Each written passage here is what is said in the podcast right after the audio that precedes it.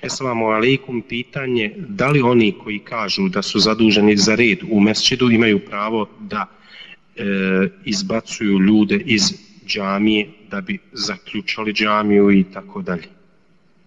Ljudi koji održavaju a, red u džamiji dužni su da izbacuju iz džamija narkomane i da izbacuju iz džamija ljude koji stvaraju nerede, koji stvaraju probleme i da izbacuju iz džamija one koji neće dobro džamijama, a nisu zaduženi i nije im dozvoljeno nikako da izbacuju ljude iz džamija koji hoće da zikre u džamijama, da klanjaju, da slave Allaha Đelešanu. U protivnom, zbog čega su napravljene džamije? Ako džamije nisu napravljene zbog zikra i zbog spominjanja Allaha te barake utala, zbog čega su napravljene?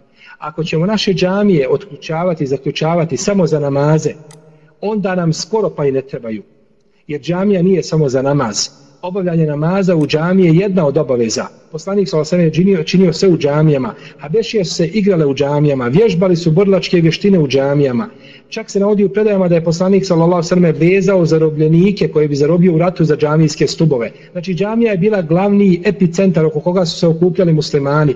Tu su se savjetovali, tu se dogovarali, tu su, tu su kovali svoje planove, tu se rađale ideje, tu je dolazila Znači, a, a, tu su dolazile sve, i sprovodila se sve aktivnosti koje su bile vezane za muslimansko društvo. Tako da mislim da je pravi absurd da se džamije zaključavaju i da se vjernici tjeraju iz džamija. U protivnom, ako budemo našu omladinu tjerali iz džamija, to je indirektno njihovo tjeranje u kafane. Trebamo biti sretni i zadovoljni da nam omladina dolazi u džamije i da nam boravi u džamijama, a vidimo da, nažalost, danas pojedini muslimani nemaju razumijevanja za takvu omladinu pa ih tjeraju iz džamija, onda ne znamo kuda da ih pošaljemo i gdje da nađemo mjesta toj omladini i da se smire ako i mi nećemo prihvati u naše džamije moleći Allaha te barak da popravi naša stanja i stanja naših džamija.